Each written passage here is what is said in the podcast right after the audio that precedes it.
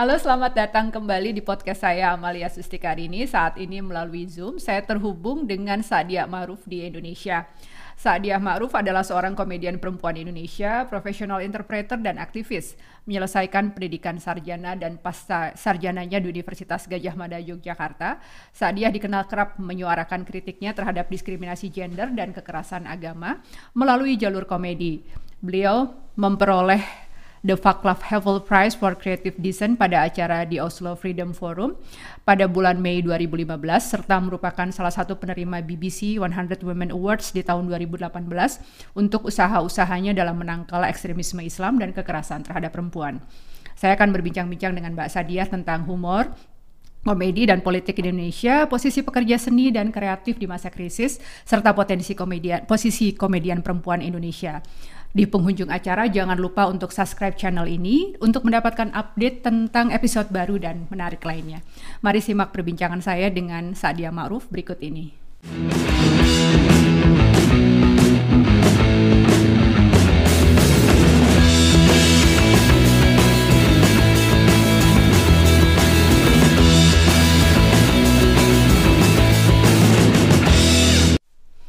Assalamualaikum Mbak Dia. Assalamualaikum warahmatullahi wabarakatuh. Waalaikumsalam. Senang sekali bisa bergabung di podcastnya. Apakah suara saya terdengar, terdengar jelas? Jelas sekali. Uh, walaupun tadi Mbak Dia bilang katanya sedang di kebun kampung ya di Pekalongan uh. ya di Batang ternyata suaranya itu kayaknya sama kualitasnya Mbak dengan wow. dengan apa dengan dengan di kota-kota besar lainnya di dunia lah Mbak nggak nggak kalah nih Batang nih ininya nggak kalah nggak kalah, kalah. kota-kota besar Oke, okay, um, iya.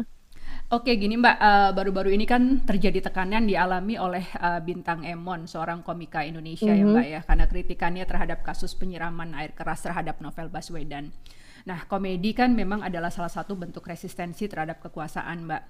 Indonesia sendiri sebetulnya sudah mengenal ini ya Mbak ya. Ada beberapa seniman kita ataupun juga misalnya penyair ya yang sampai harus harus dihilangkan gitu kan karena kritikan-kritikannya terhadap uh, uh, tirani lah atau uh, kekuasaan yang abusive seperti itu. Nah, kalau untuk bidang komedi sendiri nih Mbak, menurut Mbak Dia sejauh mana sih Mbak peran komedi dalam menyuarakan resistensi dan kritik sosial di Indonesia Mbak?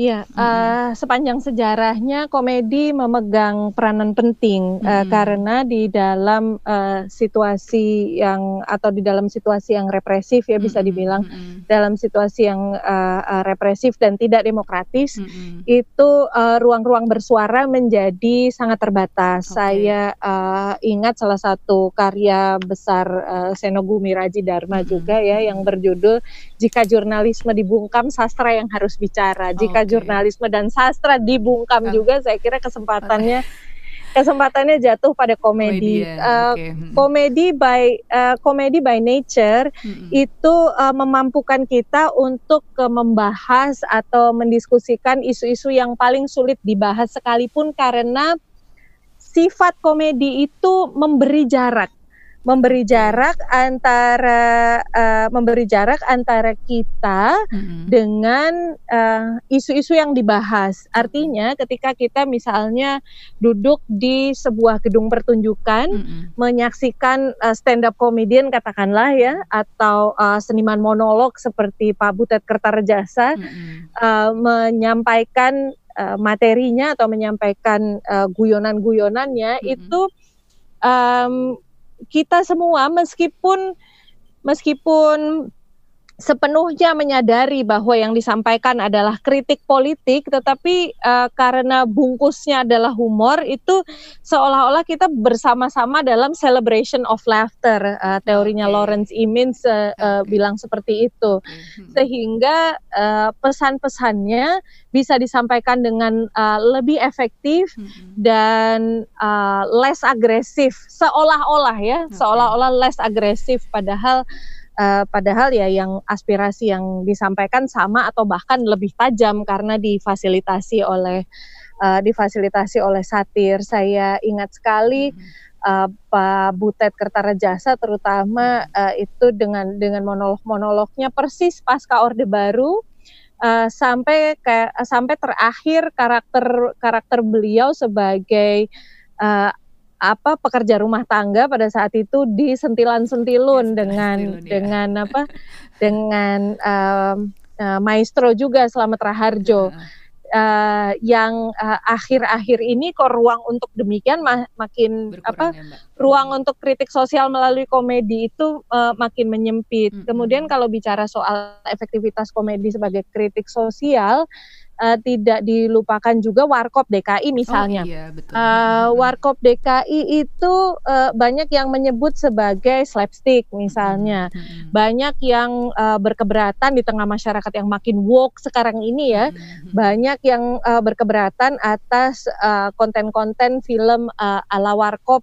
yang uh, menampilkan perempuan-perempuan iya, berbikini misalnya ya. eksploitasi uh, eksploitasi dan objektifikasi perempuan. perempuan. Uh, te, ter, tetapi yang harus diingat adalah um, kalimat uh, tertawalah sebelum tertawa itu dilarang. Uh, saya kira, uh, saya kira uh, sebagai uh, tokoh-tokoh komedi yang juga sangat terlibat dengan aktivisme pada zamannya, mm -hmm. Warkop uh, Warkop DKI sedemikian sadar untuk membuat karya film yang quote unquote dapat diterima dan lolos sensor. Mm -hmm. Pada waktu itu kan lembaga sensor film sangat ketat itu kan, uh, dapat diterima dan lolos sensor hanya untuk mempertahankan peringatan itu gitu. Okay. Tertawalah, tertawalah sebelum, sebelum tertawa, tertawa itu dilarang. Itu di, eh, sebelum tertawa itu dilarang uh, bagi saya itu adalah salah satu kalimat paling subversif yang uh, kalimat betul kalimat iya, yang iya. paling subversif yang pernah saya dengar karena uh, tertawa itu seharusnya something natural tertawa mm -hmm. itu uh, seharusnya sesuatu yang yang yang keseharian saja tetapi uh, akhirnya kok sebelum tertawa itu dilarang sedemikian banyaknya yang sudah dilarang sampai kita harus hati-hati nih sebelum mm -hmm. sebelum tertawa itu dilarang jadi mm -hmm. uh, luar biasa ketika kalimat itu bisa lulus sensor lembaga sensor film pada zamannya ternyata tidak terlalu memahami satir mungkin jadi uh, jadi sejarahnya uh, sejarahnya panjang dan dan sudah dilakukan oleh oleh banyak uh, pihak. Saya ingat juga Sri Mulat sebenarnya Sri Mulat komedi tradisional kita tidak bisa tidak mention Sri Mulat ya. Uh, Sri Mulat komedi tradisional itu uh, salah satu joke yang saya ingat adalah bagaimana caranya dan ini mereka ulang berkali-kali di berbagai uh, act mereka ya.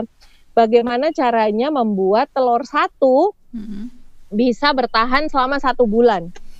Caranya itu adalah telurnya direbus ya kan telurnya direbus habis itu dikupas habis itu ambil nasi suapkan nasi ambil telur telurnya dicium ditaruh habis itu bagi saya itu bagi saya itu amat luar biasa yeah. karena kalau kita bicara apa karena kalau kita bicara orde baru hmm. kritik terhadap pemerintah orde baru sekecil apa pun adalah berbahaya Bahaya, pun kritik pun kritik terhadap uh, apa uh, situasi ketimpangan ekonomi dan kemiskinan gitu.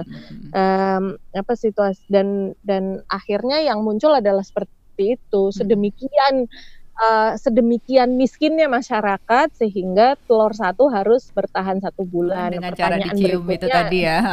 iya. Pertanyaan berikutnya adalah apa yang terjadi pasca reformasi? Hmm. Karena kita lihat uh, saya kira sentilan-sentilun di Metro TV itu masih tayang sampai uh, masa pemerintahan uh, Presiden SBY kalau tidak salah. Uh, Presiden SBY kalau tidak salah. Dan kemudian makin hari kita uh, makin hari kita merasakan kok hmm, mau berkarya jadi mau berkarya tuh pasti mikir loh. Padahal kita udah tahu persis nih yang mau dikritik apa gitu pasti mikir. Mm -hmm saya ingat uh, pada waktu itu bertemu dengan uh, almarhum Arswendo Atmawiloto hmm. di uh, acara talk show Rossi di Kompas TV itu beliau menanyakan pada saya anak-anak hmm. muda sekarang kok uh, isunya anak-anak muda sekarang yang berkomedi stand up hmm. comedian dan sebagainya kok isunya banal sekali gitu hmm.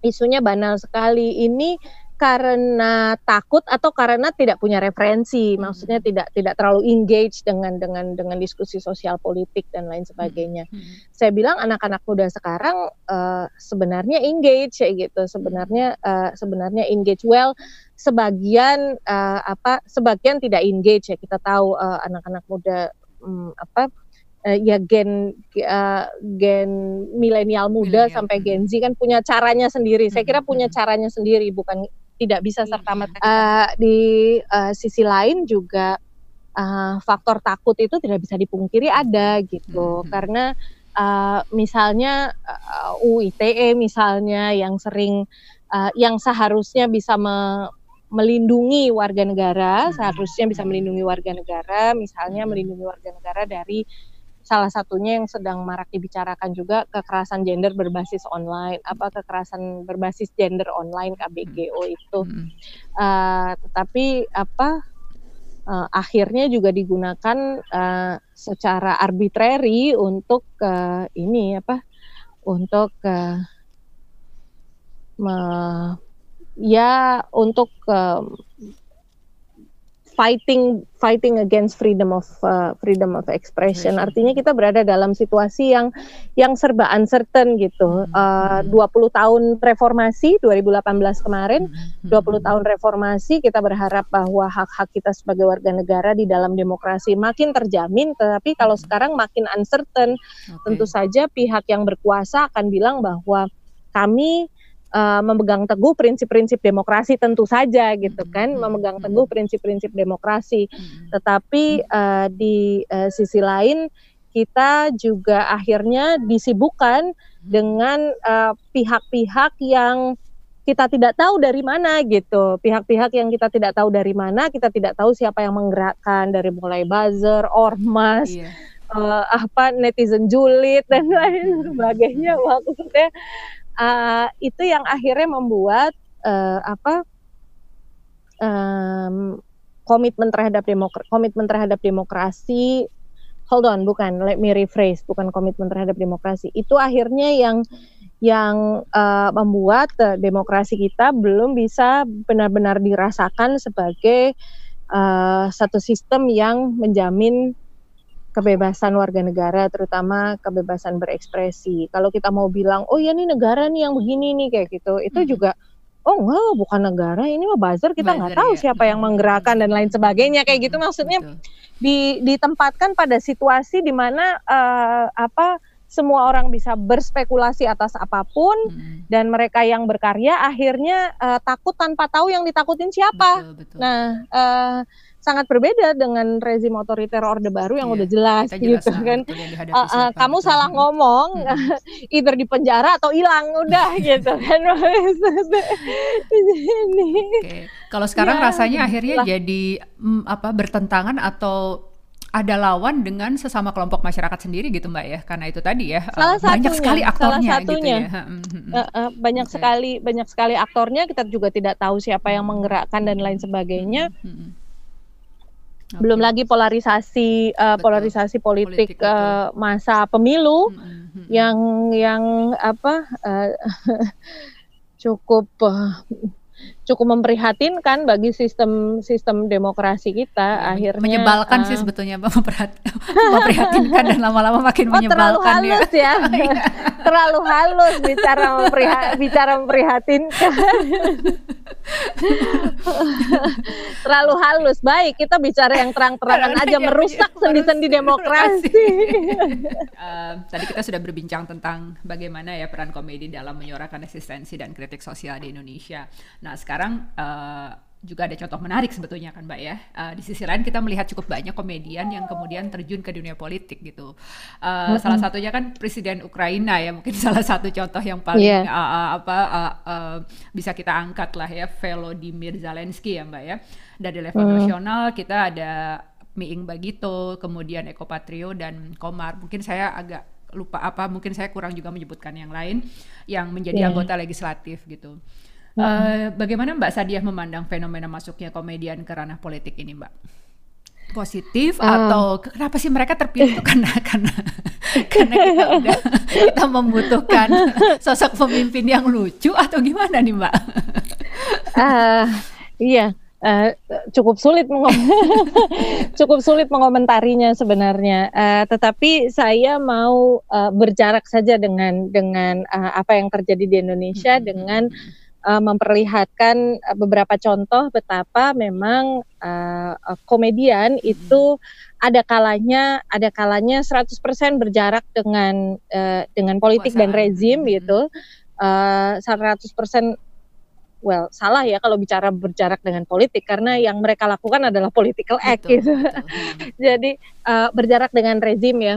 Uh, 100% uh, berjarak dengan rezim sangat diametral seperti yang terjadi di Amerika Serikat sekarang ini. Misalnya uh, uh, hampir semua kalau tidak bisa dibilang semua gitu uh, uh, stand up comedian uh, bicara melawan uh, Presiden Amerika Serikat uh, pada saat ini Presiden Donald Trump. Uh, tetapi pada pada masanya juga uh, komedian merasa bahwa uh, kita sudah tidak bisa gitu ya, kita sudah uh, tidak bisa bicara secara terselubung tanda kutip melalui satir. Uh, kita sudah tidak bisa bicara melalui satir. Misalnya, uh, salah satu contohnya adalah pada masa uh, George W. Bush. Mm-hmm. Pada masa George W. Bush dengan berbagai Presiden George W. Bush dengan berbagai kebijakan uh, publiknya, mm-hmm. uh, dengan berbagai kebijakan publiknya itu, uh, pada waktu itu uh, host late night shows ada host uh, Daily Show Jon Stewart. Pada waktu mm-hmm. itu masih Jon Stewart, belum Trevor Noah kemudian Stephen Colbert hmm. itu menginisiasi turun ke jalan uh, dengan tagline apa dengan mengusung sanity rally gitu. Sanity rally. Uh, demo kewarasan. karena uh, itu sangat menarik karena uh, yang dilakukan komedian itu uh, uh, seolah-olah tanda kutip insane kan, insane hmm. gitu, menggila di panggung, bercanda uh, dan lain sebagainya gitu, seolah-olah insane, tetapi uh, cara komedian memberikan perspektif tentang apa yang terjadi itu sesungguhnya mengembalikan sanity gitu, okay. mengembalikan sanity, mengembalikan akal sehat, mengembalikan uh, perspektif berpikir masyarakat dengan cara menebalkan isu-isu uh, uh, penting yang mungkin masyarakat tidak terlalu lihat gitu ya. Uh, ini loh kayak gini ini loh gitu kan kayaknya kayak gini ini loh. Kemudian saya juga ingat uh, pada waktu itu John Stewart juga kalau tidak salah mohon maaf John Stewart juga di Daily Show pada saat uh, ini um, uh, penembakan di sekolah itu yang cukup okay. uh, beberapa hari jadi headline di hmm, CNN uh, penembakan di sekolah itu dan dia uh, tampil live uh, di Daily Show dia bawa kertas dia coret-coret uh, dengan penuh kemarahan dan dan dia natap kamera dan sudah gitu tidak hmm. ada show hari ini okay. gitu uh, menunjukkan sedemikian tidak ada show hari ini tidak ada jokes hari ini hmm. this is not a joke uh, kita once and for all harus mengatasi ini gitu hmm. harus mengatasi ini uh, harus harus bertindak ke apa untuk menghentikan gun violence misalnya okay. nah itu yang agak berjarak artinya uh, komedian uh, sebenarnya statementnya adalah political statement hmm. gitu hmm. dan uh, komedian komedian apa pun isu dan angle yang mereka pilih uh, sebagiannya adalah memang orang-orang yang engage gitu orang-orang yang engage sehingga uh, saya kira uh, apalagi Bagito, Bagito uh, luar biasa iya. uh, uh, Pak uh, Miing dan teman-temannya dan Bagito juga mengalami uh, uh, represi yang yang yang uh, yang cukup cukup luar biasa hmm. di masa di masa mereka juga dan uh, karya-karyanya juga banyak melontarkan kritik melontarkan sosial, ya. uh, kritik sosial gitu. Jadi uh, apa saya kira keterlibatan orang di posisi keterlibatan orang di posisi-posisi politik itu bukan untuk dipertentangkan benar salah atau uh, atau benar salah atau baik buruk karena uh, baik panggung politik mau baik panggung politik dalam arti member of parliament atau di eksekutif mm-hmm. ataupun panggung komedi uh, kesemuanya adalah kesemuanya adalah medium untuk uh, medium untuk bersuara. Hmm. saya sendiri uh, medium untuk bersuara sehingga ya ya apa bukan sesuatu yang harus dibicarakan dari dari segi benar salah baik buruk dan lain sebagainya karena hmm. karena uh, ya bukan bukan itu gitu bukan hmm. itu intinya hmm. uh, tapi yang mereka lakukan di parlemen pun di panggung komedi pada dasarnya pada dasarnya sama gitu bersuara okay. uh, hmm. bersuara menyampaikan uh, aspirasi karena uh, yang saya yakini adalah komedi about telling the truth hmm. Saya sendiri secara pribadi juga memilih untuk saat ini paling tidak saya tidak bisa bicara selamanya ya. Hmm. saya tidak bisa bicara selamanya karena things change, people change, orientation change dan hmm. apa fo our focus dan uh, uh, our method dan sebagainya juga change over time dan we grow as a person, hmm. we grow as a person, we grow as an artist. Jadi saya tidak bilang selamanya tetapi saat ini uh, bagi saya uh, apa adalah bagian dari tanggung jawab moral saya sebagai komedian juga untuk berjarak okay. karena uh, kondisi demokrasi yang uh, kondisi demokrasi yang demikian uh, dan apa uh, ke polarisasi yang terjadi di masyarakat, hmm. saya hmm. kira posisi komedian saat ini uh, bicaranya bukan semata-mata apakah kita mendekat atau berjarak dengan hmm, kekuasaan, hmm. tapi bagaimana kita bisa membangun jembatan okay. dan dialog melalui komedi. Hmm, hmm, hmm, Oke. Okay. Um, cuma kan memang kita amat. Kayaknya muluk-muluk banget ya. Ini Mbak Sadia karyanya apa sih gitu ya? Karyanya luar biasa loh Mbak. Karyanya apa sih? Bicaranya muluk-muluk banget. Mbak eh. cuma tadi menyinggung sedikit uh, tentang mm -hmm. uh, polarisasi politik nih Mbak. Gimana juga kan um, Mbak Mbak Sadia memilih untuk tidak berjarak ya, tapi kan juga memilih ada beberapa, untuk berjarak. Mem, memilih sorry, memilih untuk berjarak. Memilih untuk berjarak. Oke, okay. uh, setidaknya untuk saat ini ya gitu. Tapi uh -uh. kan kemarin kita amati ada beberapa komedian yang kemudian secara terang-terangan gitu kan menunjukkan dukungan ke salah satu uh -uh. kandidat gitu kan atau menjadi uh -uh. tim ses gitu ya. Uh -uh. Uh, gimana sih Mbak melihatnya? Maksudnya, oke okay, itu kan sebetulnya hak juga ya, hak-hak hak yeah. komedian sebagai warga negara gitu mau mau kemudian yeah. memiliki aspirasi yeah. politik gitu ya. Uh, uh -uh. Menurut Mbak Dia gimana itu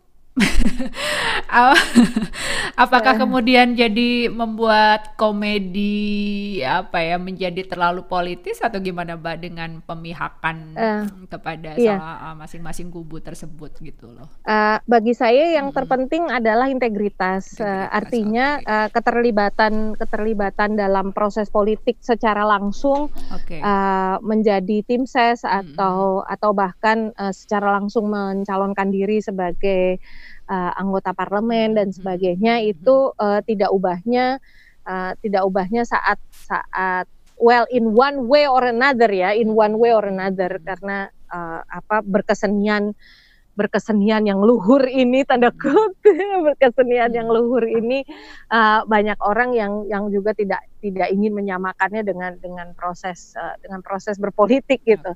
Uh, dengan proses berpolitik apalagi bukan proses berpolitik proses politik praktis jadinya. Iya yeah.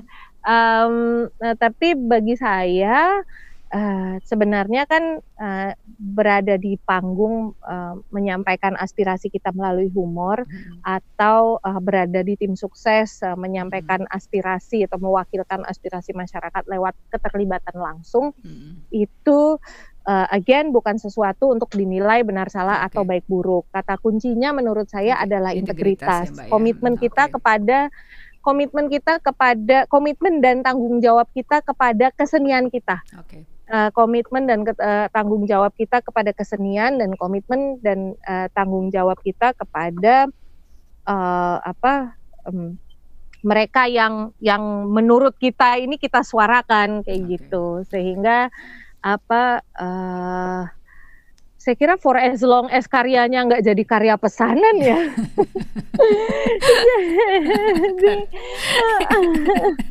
Oke oke oke Mbak sama mungkin ya tetap itu ya tetap konsisten um, mengkritik apabila kemudian calon yang diusungnya atau kemudian uh, saat dia menjadi tim sukses dari kampanye calon tersebut misalnya kemudian uh. melakukan hal-hal yang ya bertentangan secara hukum atau kemudian melanggar prinsip-prinsip demokrasi ya tentunya harus konsisten untuk dikritik gitu kali mbak ya terlepas harus dari konsisten. dia ah, oke okay, dia dulu mendukung Betul. siapa oke okay.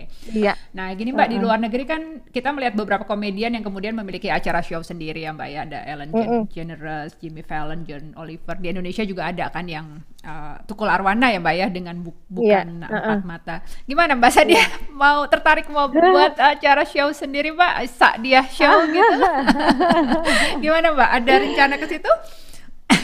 Ah kalau ka, ka, kalau bayangan selalu ada ya. kalau kalau uh, um, apa uh, bayangan waktu kecil saya sebenarnya sudah punya talk show sendiri. Oh ya. uh, menghadirkan apa imaginary guest oh. gitu. Iya menghadirkan imaginary guest uh, yang agak agak agak malu untuk disebutkan sekarang ini dari mulai Tom Cruise, John Bon Jovi sampai apa dulu ya yang nyanyi Bob itu Taylor Hansen dan lain sebagainya. Dan bahasa Inggris loh talk show-nya. Luar biasa. Umur berapa tuh mbak kira-kira tuh punya imaginary SMP, talk show? SMP oke. Okay. SMP SMP uh, SMP SMA lah. Jadi hmm. kalau ditanya apa oh bahasa Inggrisnya bagus. Oh lumayan. Saya sih hasil belajar dari tokoh-tokoh dunia itu kebetulan iya.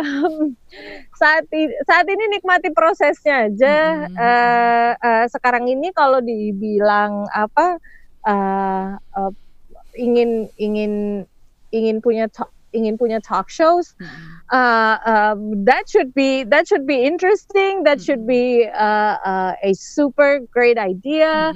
Um, uh, pada dasarnya sih prinsipnya adalah saya salah satu tujuan saya berkomedi juga untuk berdialog sehingga kalau bikin talk shows um, apa sehingga kalau bikin talk shows dan ngobrol sama orang baik yang baik yang sejalan ataupun yang bertentangan dengan dengan apa yang saya yakini that should be that okay. should be interesting. Okay. Sekarang ini yang sedang dilakukan sekarang banget ini yang sedang dilakukan adalah uh, project uh, monolog uh, komedi monolog bersama dengan uh, sindikasi okay. uh, sindikasi Serikat Pekerja Media dan Kreatif untuk Demokrasi okay. uh, yang Nah, di mana kita membincangkan isu-isu uh, uh, pekerja dan isu-isu pekerja dan pandemi ini hmm di apa uh, dalam format uh, komedi monolog tayang okay. setiap Senin uh, tayang setiap uh, Senin uh, new episode adlibs ya.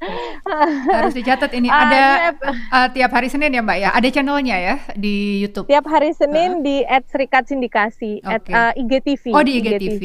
Oke. Okay, ya okay, tiap okay. Senin di IGTV @serikat sindikasi. Nanti uh. selama weekdays ada di at, uh, di IGTV @serikat sindikasi. Okay. Dan uh, mulai hari ini mudah-mudahan hmm. kalau sempat postingnya oh MG. mulai mulai hari ini nanti uh, weekdays ada di uh, IGTV-nya Serikat Sindikasi dan weekend ada di IG saya @sakdia.maruf. Sudah follow. Siap. nah, tapi tadi menarik ya uh, aktivitas Mbak Sadia di sindikasi ini ya Mbak ya, karena kan uh, memang pandemi COVID-19 ini kan sangat memukul sektor entertainment ya Mbak ya, termasuk komedi show betul, gitu. Betul. Nah, uh, gimana Mbak melihat kesiapan pelaku industri kreatif ini ya siap nggak siap ya mbak dan terutama sekali dikaitkan dengan kira kira-kira support apa yang diharapkan dari pemerintah mbak? Uh, iya, mm-hmm. uh, persis itu juga yang kami bicarakan. Mm-hmm. Jadi sudah ada dua episode. Nanti mm-hmm. besok Senin apa? Uh, besok Senin akan membincang soal new normal di okay. di uh, di episode yang ketiga. Mm-hmm. Jadi salah satunya di episode dua itu saya bicara saya bicara tentang uh, bagaimana apa uh, pelaku industri pelaku industri kreatif uh, terutama yang uh, freelancer ya tidak bekerja iya. di media misalnya hmm. kayak gitu tidak bekerja di media itu harus menyediakan sendiri semua peralatannya. Hmm. Saya bilang uh, pekerja bisa kehilangan pendengaran, bisa bisa mengalami kerusakan pendengaran kalau setiap hari rekaman sendiri dan lain sebagainya dengan headphone substandar gitu kan. dengan headphone substandar. Tapi tahukah Anda headphone yang standar stereo noise reduction dan lain sebagainya yang yang ya? cocok dengan kesehatan yang cocok dengan kesehatan kuping anda itu uh, sama dengan satu tahun kontrakan kosan teman-teman pekerja kreatif uh, ini yeah, terus yeah. saya uh, apa terus saya melanjutkan dengan bilang oh ternyata harganya sekian ya pantas perusahaan lebih sayang aset daripada karyawan gitu ya, maksudnya apa uh, saya kira saya membaca kemarin artikel dari The Conversation uh, Indonesia hmm. yang yang sangat menarik yang menyatakan bahwa uh, pendekatan komunikasi terkait uh, pendekatan komunikasi terkait pandemi ini adalah uh, apa partisipasi warga negara sebagai individual, bukan partisipasi warga negara sebagai kolektif yang kemudian didukung oleh oleh jaminan-jaminan sosial dan jaminan kesehatan yang hmm. yang uh, memang merupakan kewajiban negara untuk okay. untuk memberikan. Hmm. Jadi uh, setiap hari kan kampanye kita harus pakai masker, cuci tangan dan lain sebagainya, which is which is right gitu. Memang benar harus pakai masker, harus cuci tangan dan lain sebagainya. Uh, tetapi bayangkan bagi pekerja, uh, teman-teman di pekerja, uh, bagi pekerja yang harus menyediakan segala sesuatunya sendiri, hmm. uh, menyediakan segala sesuatunya sendiri, karena komunikasinya memang that's your responsibility gitu kan. Kita hmm. pakai ini tuh karena bagian bagian dari kita bertanggung jawab, mencegah penyakit, hmm. menghormati orang lain, uh, lalala. Narasinya selalu seperti itu, hmm. tanpa ada ruang untuk narasi di mana uh, ada kewajiban negara, ada kewajiban pemilik modal dan lain sebagainya untuk menyediakan segala sesuatunya.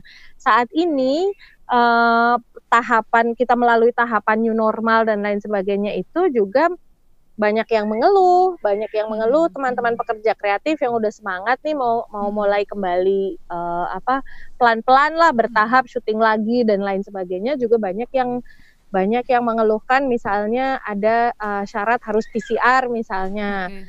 harus uh, bukan hanya rapid test misalnya yeah. harus PCR yeah. PCR itu satu orang dua setengah yeah. juta nah, dengan sekali. dengan apa uh, apa uh, dengan ketidakpastian apakah itu bisa di charge ke klien atau tidak dan lain sebagainya jadi apa memang kondisinya kondisinya penuh ketidakpastian dan memaksa kita untuk untuk akhirnya kreatif namanya pekerja kreatif ya.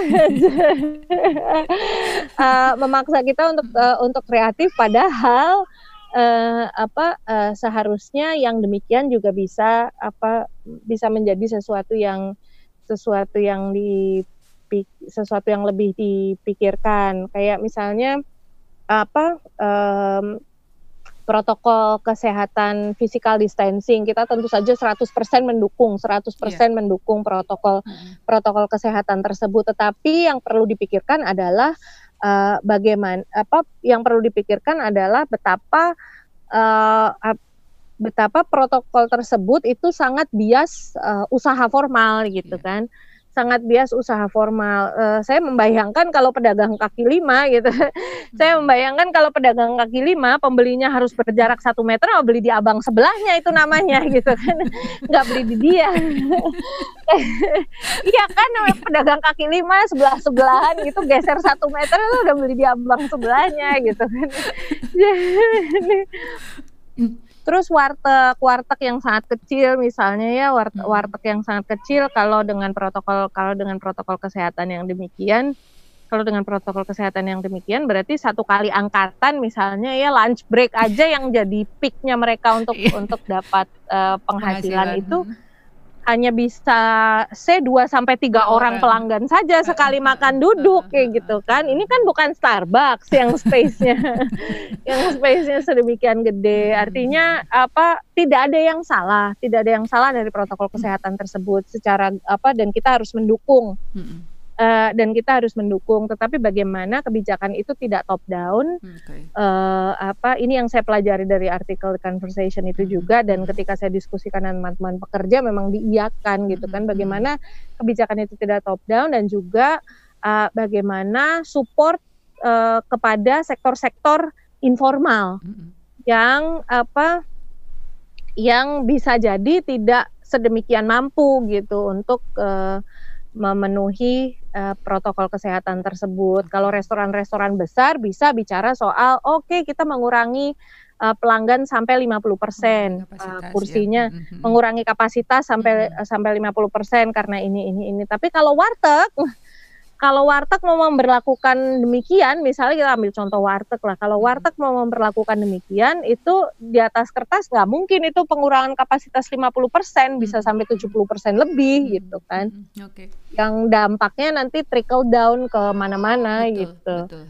Ke misalnya mereka pengurangan karyawan lah, apalah segala macam yang yang jadi jadi lebih jauh. PHK juga masih terus terjadi hmm. kalau kita bicara soal hmm. apa uh, uh, kembali ke nor kembali ke normal, maksudnya new normal ini adaptasi kebiasaan baru ini sama dengan sama dengan kita semua mulai produktif kembali bekerja kayak gitu-gitu hmm. lah iya kalau yang masih kerja kalau yang enggak gitu kan iya, iya. nah kalau misalnya ini mbak uh, uh -uh. dihubungkan dengan um, bisnis entertainment itu ya termasuk comedy show uh -uh. itu kalau untuk lewat online sendiri gimana Mbak? Maksudnya memang memang selalu akan ada kebutuhan untuk live, uh, live show ya. Maksudnya uh, iya. uh, apa uh, di panggung gitu kan. Karena pasti sensasinya uh. beda ya Mbak ya kalau ada orangnya langsung sangat, dengan berbeda, uh, ya. Tapi apakah iya. uh, platform online selama ini at least lah selama pandemi ini masih atau atau kita masih menerapkan PSBB ini tadi ya, uh, itu cukup membantu uh. para pekerja kreatif ini Mbak, terutama di uh, bidang uh. entertainment. Iya, alhamdulillah hmm. uh, karena apa uh, alhamdulillah uh, uh, kita rame-rame rame-rame pindah ke online hmm. dan lain sebagainya hmm. dan dan apa kita ini kan tadinya uh, cukup kecil hati karena dianggap non esensial kan jadi uh, uh, non esensial tapi kemudian uh, bersyukur bahwa uh, apa uh, teman-teman, sahabat, mereka yang masih uh, masih bekerja, masih mempunyai dana lebih dan lain hmm. sebagainya. Uh, hiburan rasanya tidak bisa serta merta dianggap uh, tidak bisa serta merta dianggap non essential apalagi malah komedi justru, uh, malah justru mungkin kita uh, makin butuh hiburan mbak stres kan di rumah. Iya.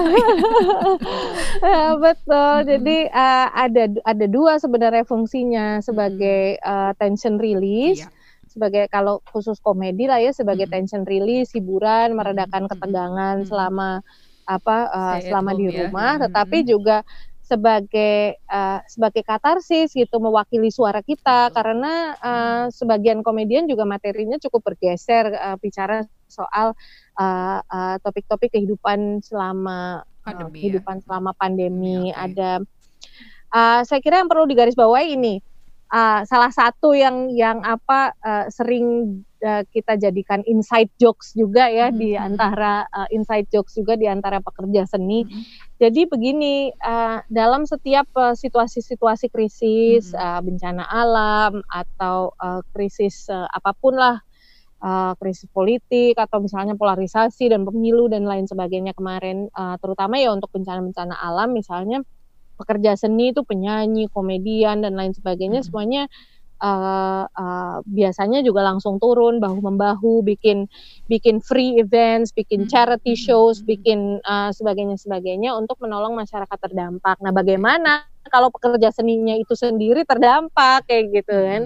Pekerja pekerja seninya sendiri itu terdampak karena Hmm, saya pernah lihat di Twitter itu sahabat saya seorang stand up comedian Indonesia juga uh, apa uh, yang bilang gini uh, sama istrinya dia tulis di tweet gitu uh, Honey I'm fully booked for next month gitu. Terus istrinya bilang wih asik. Terus dia bilang tapi semuanya charity event.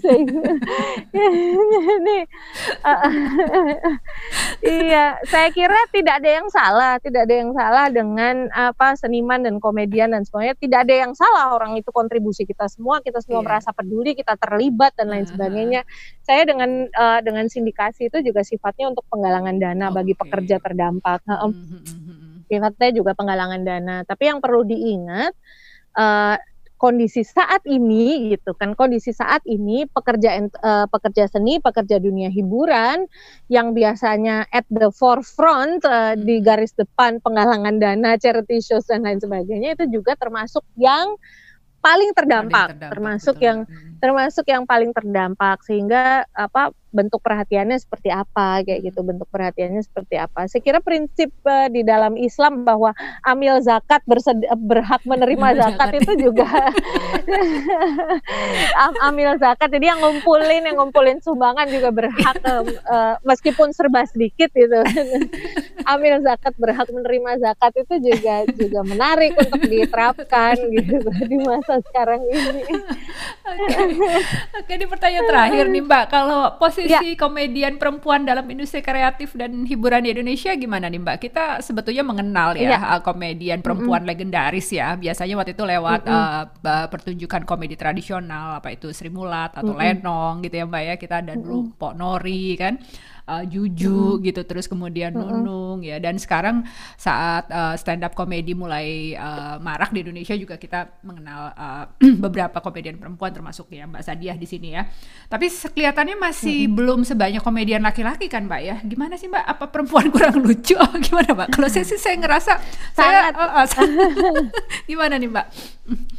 Iya, uh, dari jumlah yang jelas sangat -hmm. outnumber ya. Okay. Saya pernah menghadiri di tahun-tahun -hmm. lalu 2019 satu -hmm. komedi festival ada seratusan lebih yang tampil -hmm. itu komedi komedian perempuannya nggak nyampe 10 -hmm. gitu. Okay. Uh, uh, uh, nggak nggak nyampe nggak nyampe 10. Jadi ya ya ya memang demikian. -hmm. uh, memang demikian kondisinya.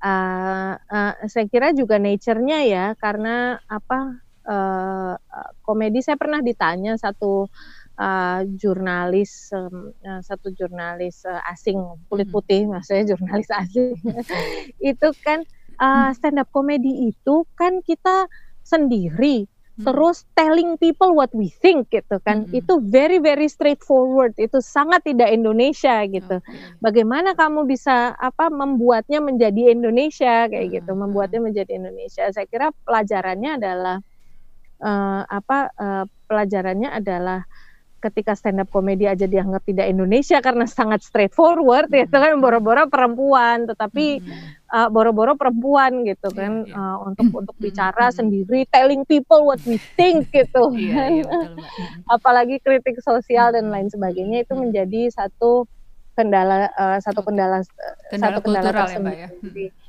Kendala kendala kultural itu hmm. pasti tapi saya hmm. kira uh, yang harus diubah tuh mindsetnya ya okay.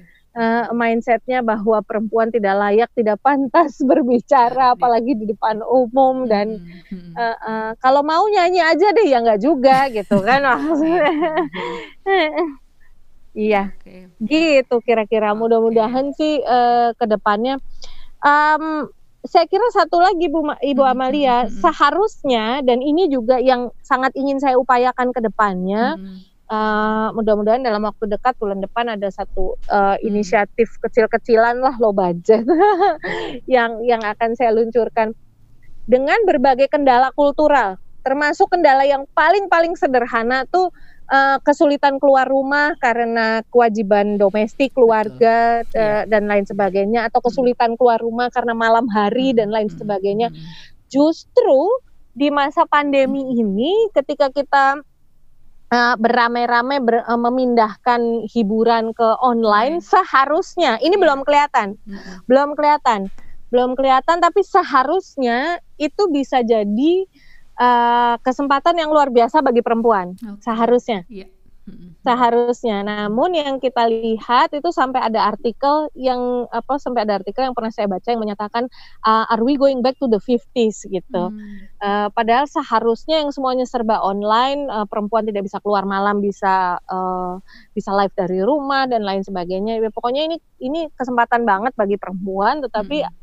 uh, uh, kenyataannya adalah uh, ketika mamah bekerja misalnya mama uh, ibu atau kakak perempuan atau apa uh, uh, not necessarily yang sudah menikah ya uh, seorang ibu atau seorang kakak perempuan seorang uh, apa anak perempuan dan lain sebagainya ketika dia bekerja di luar rumah kemudian uh, seluruh keluarga memaklumi dan bisa saling membantu tetapi hmm. ketika dia bekerja ketika dia di rumah gitu kan padahal kan bekerja di rumah ketika dia di rumah itu uh, uh, apa uh, secara otomatis misalnya sebagian besar kewajiban rumah kewajiban-kewajiban domestik itu kembali ke tangan dia. Kalau bicara the 50s itu kan uh, the feminine mystic itu bagaimana awal-awal dikenali double burden itu kan Ibu Amalia. Yeah. Nah, mudah-mudahan itu tidak terjadi berlarut-larut mm -hmm. dan apa proses-proses negosiasi di dalam keluarga uh, kalau saya alhamdulillah uh, dari awal apa um,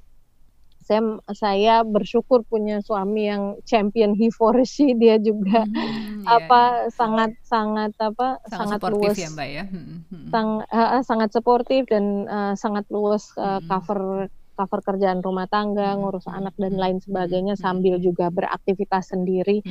Itu Uh, tapi mudah-mudahan bagi teman-teman yang struggling with this, I'm struggling with that juga kayak hmm, gitu. Pada hmm. akhirnya kalau dengan anak kan mama di rumah ya mama di rumah gitu. jadi eh, jadi uh, apa uh, so far so good, alhamdulillah. But I'm struggling with this juga. Cuman uh, uh, mudah-mudahan ini juga tidak berlarut-larut. Proses hmm. negosiasi juga bisa berlangsung dengan baik di masing-masing rumah tangga hmm. sehingga memang apa uh, online opportunities ini seharusnya ini saatnya untuk perempuan. Oh, ya. Halo, iya, ya? Ya, oke okay, betul Mbak. Uh, uh, ya dan saya sebetulnya tuh uh, benar-benar apa ya Mbak ya berharap bukan berharap banyak lah. Saya menikmati sekali mungkin juga berharap banyak juga sih ya pada komedian-komedian uh -uh. perempuan ini dan termasuk juga uh, untuk stand up komedian gitu ya. Karena isu yang diangkat itu kan lekat dengan permasalahan perempuan ya Mbak ya. Mbak Sadia selama uh -uh. ini selalu mengangkat tentang um, ya kesetaraan gender ya diskriminasi atau atau uh, apa um,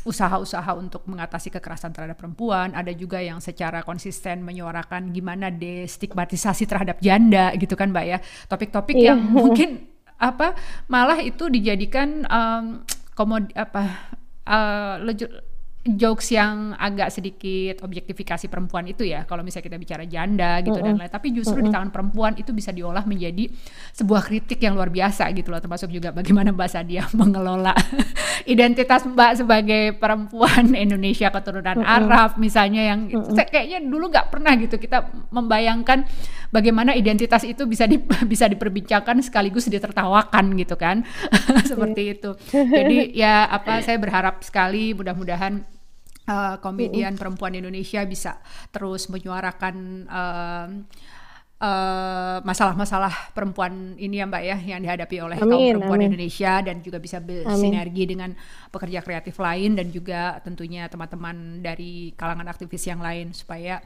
amin. masalah kekerasan gender ya dan banyak masalah lain yang dihadapi oleh perempuan Indonesia ini bisa ya. bersama-sama kita ya kita kita manage lah ya Mbak ya menuju ke arah yang amin, lebih baik amin. gitu. Oke okay, Mbak Sadia lebih terima luas. kasih ya. Ah betul. Terima kasih yeah. banyak waktunya Mbak Sadia di tengah apa nih aktivitas aktivitas di tengah pandemi ya. Berkebun di uh, apa di di kota kelahiran. Semoga tetap yeah. sehat tentunya inilah uh, doa yang selalu disampaikan kan di kalau di tiap pandemi uh -uh. ya Pak di suasana pandemi ini semoga tetap sehat juga tetap lancar Amin. menjalankan aktivitas aktivitasnya uh, aktivitas dan aktivismenya uh, sukses juga untuk proyek-proyeknya Mbak terutama itu tadi Amin. yang sindikasi ha, terima kasih sekali uh -uh. lagi Mbak sehat-sehat selalu Amin. Assalamualaikum warahmatullahi terima wabarakatuh kasih Waalaikumsalam warahmatullahi wabarakatuh Aduh